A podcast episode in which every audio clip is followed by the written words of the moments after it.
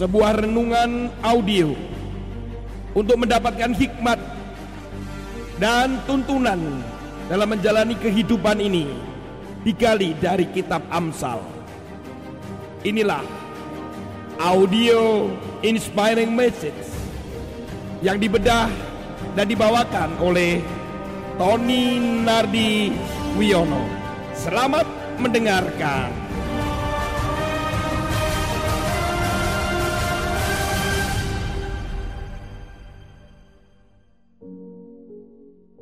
Shalom Bapak Ibu sekalian, saudara kekasih di dalam Tuhan.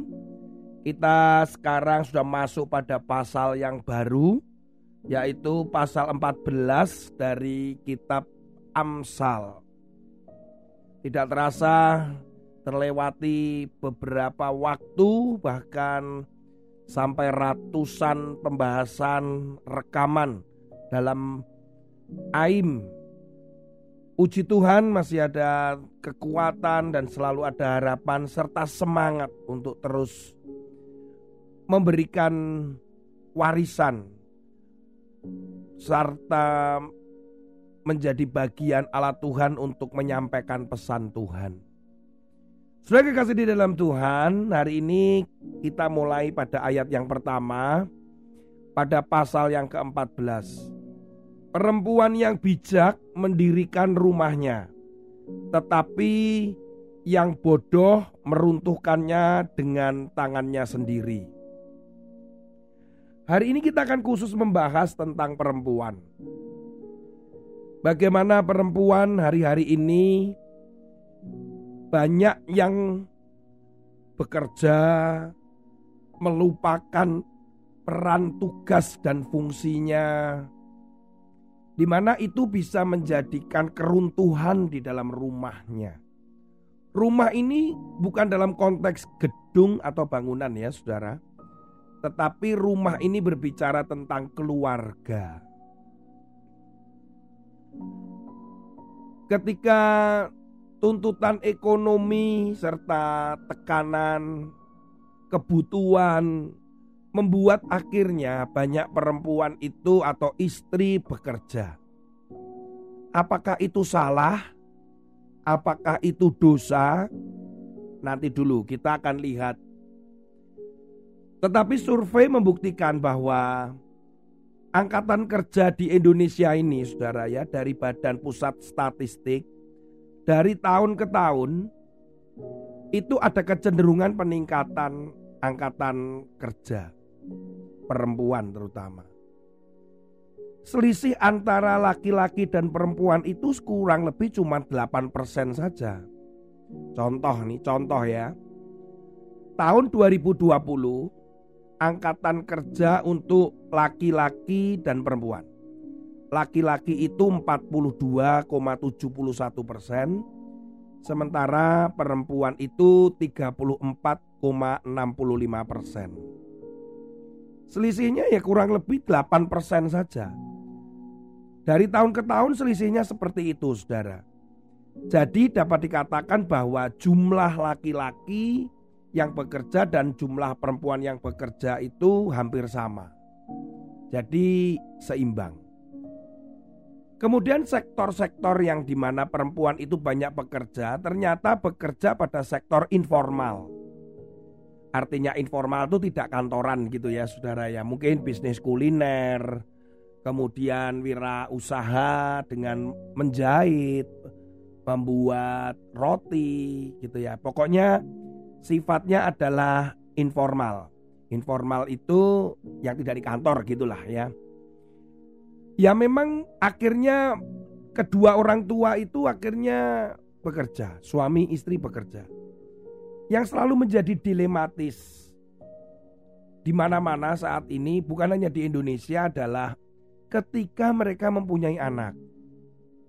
Siapa yang harus tetap bekerja, siapakah yang akan membesarkan, menjaga anak-anak, itu selalu menjadi satu problem tersendiri. Belum lagi pada kebutuhan keuangan tertentu karena ada tambahnya anak, juga termasuk di dalam pendidikan atau mendampingi anak itu. Sehingga tidak jarang orang tua itu akhirnya menitipkan anak itu kepada mertua, terus kemudian uh, menitipkan anak kepada babysitter atau pengasuh begitu. Atau mungkin dititipkan ke daycare di sekolah formal begitu. Saya pernah menemukan juga dititipkan ke tetangga, ke omnya lah begitu. Saudara kekasih dalam Tuhan, kalau itu tiba-tiba dikatakan kamu salah, kamu begini, tetapi selalu muncul bagaimana solusinya karena kebutuhan yang besar membutuhkan pendapatan yang besar. Sementara kalau hanya dipikul oleh suami itu tidak bisa, tidak akan cukup. Sehingga para istri mulai untuk bekerja. Nah, kembali lagi bahwa pekerjaan istri itu lebih banyak perempuan itu kepada hal informal. Saudara kekasih di dalam Tuhan, apabila ini tidak balance, tidak imbang, kemudian terjadi pergeseran peran, maka sangat berbahaya sekali. Sehingga diperingatkan di dalam Amsal pasal 14 ayat 1 tadi bahwa perempuan ini bisa menghancurkan atau meruntuhkan sebuah rumah dengan tangannya sendiri. Ya dengan usaha dan segala sesuatunya. Dalam hal ini mari kita coba simak satu persatu apa sih yang bisa meruntuhkan rumah ini. Meruntuhkan keluarga oleh karena peran istri atau dalam hal ini adalah perempuan. Saya akan memulainya itu dengan 1 Petrus pasal 3 ayat yang pertama. 1 Petrus pasal 3 yang pertama. Perikopnya hidup bersama suami istri. Demikian juga kamu hai istri-istri tunduklah kepada suamimu supaya jika ada di antara kamu yang tidak taat kepada firman Tuhan, mereka juga tanpa perkataan dimenangkan oleh kelakuan istrinya. Saudara yang pertama itu keruntuhan keluarga itu apabila istri tidak ada penundukan diri kepada suami. Maaf ya, ini kali ini kita membahasnya dari sisi perempuan. Karena terkait dengan ayatnya. Wante pasti ada dari sisi laki-laki. Mohon bersabar gitu. Bukan berarti terus ini dipaparkan itu konteksnya adalah karena kebetulan saya laki-laki begitu ya. Tidak ini karena urutan sesuai dengan ayat yang kita baca hari ini. Yang pertama itu adalah ketika istri tidak tunduk kepada suaminya. Saudara, penundukan diri ini kan berbicara tentang apa sikap hormat ya. Jadi sering kali istri tidak menghormati suami. Istri tidak memiliki sikap yang menghargai suami. Suami direndahkan. Suami dilecehkan. Nah, ini kalau ini terus menerus dilakukan, saudara, biasanya ini kaitannya nanti dengan nomor kedua, poin kedua. Bahwa penundukan diri ini adalah yang saya percayai, yang saya pernah alami yakini bahwa penundukan diri pada istri itu akan sangat besar perannya itu ketika istri atau perempuan belajar menundukkan diri kepada Tuhan. Hubungannya dia dengan Tuhan, bagaimana keintimannya dia dengan Tuhan, itu akan mengajarkan banyak untuk belajar rendah hati, menundukkan diri dengan suami. Ingat bahwa suami adalah gambaran Kristus.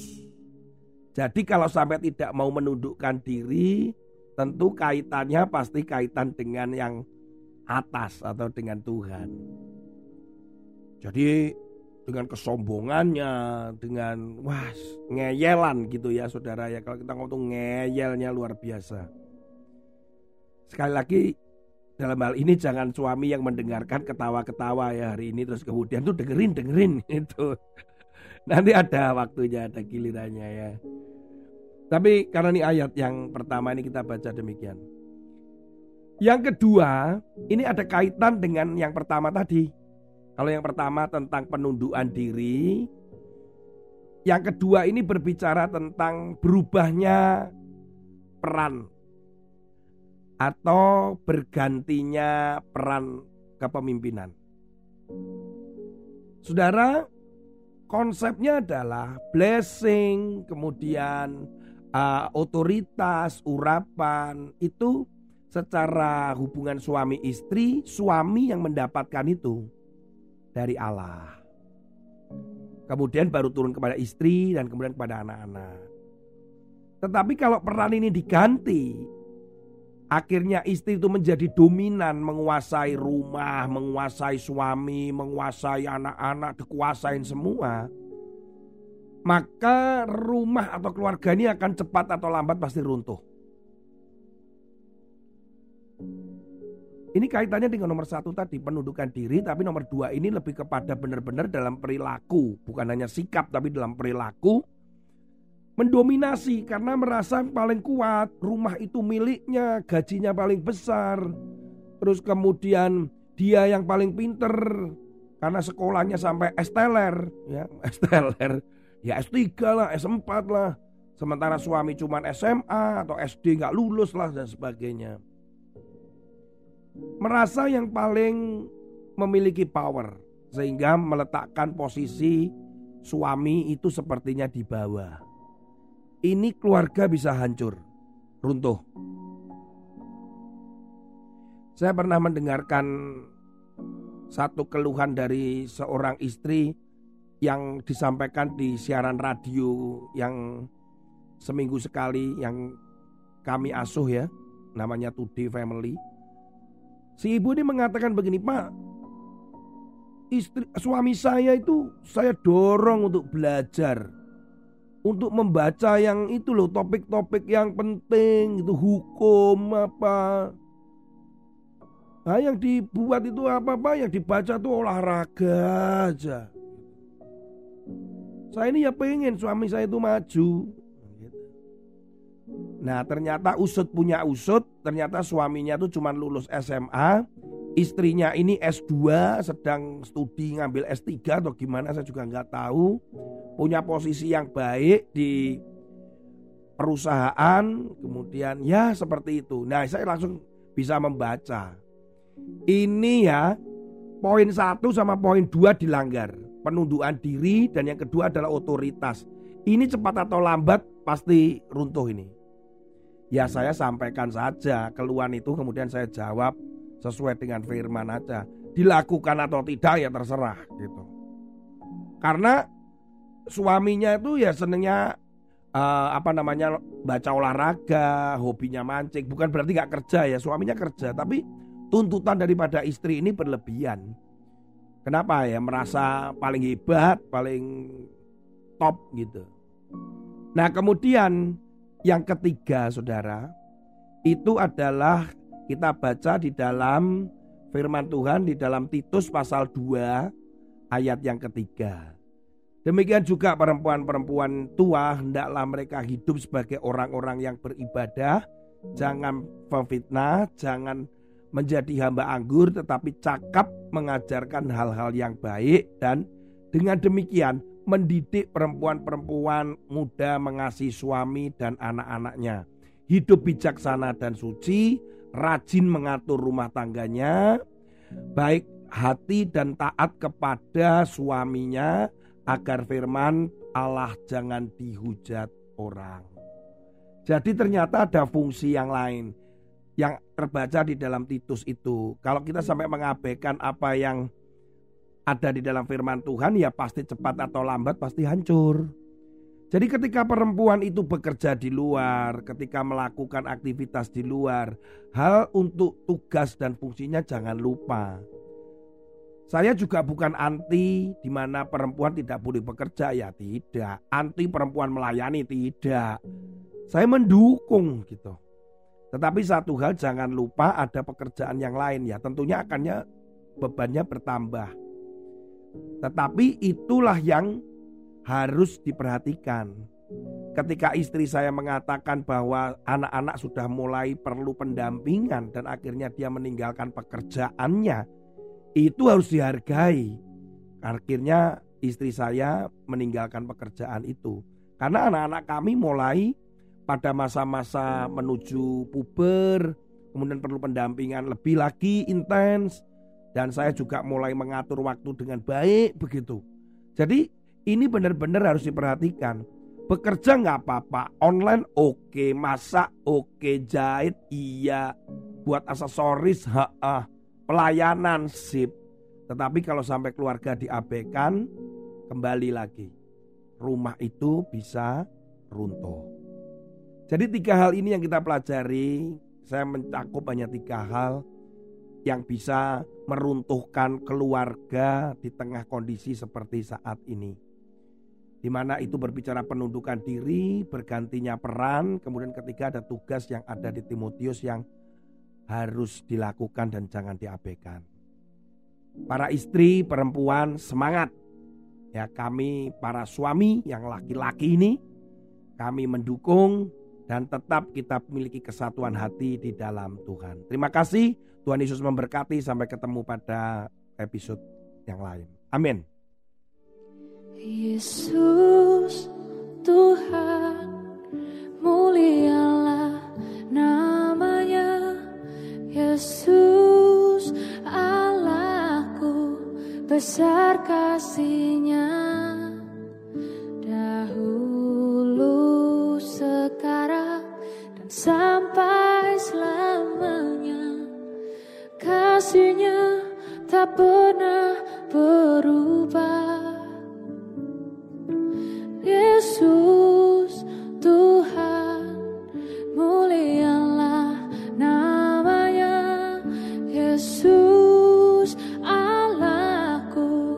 Allahku besar kuasanya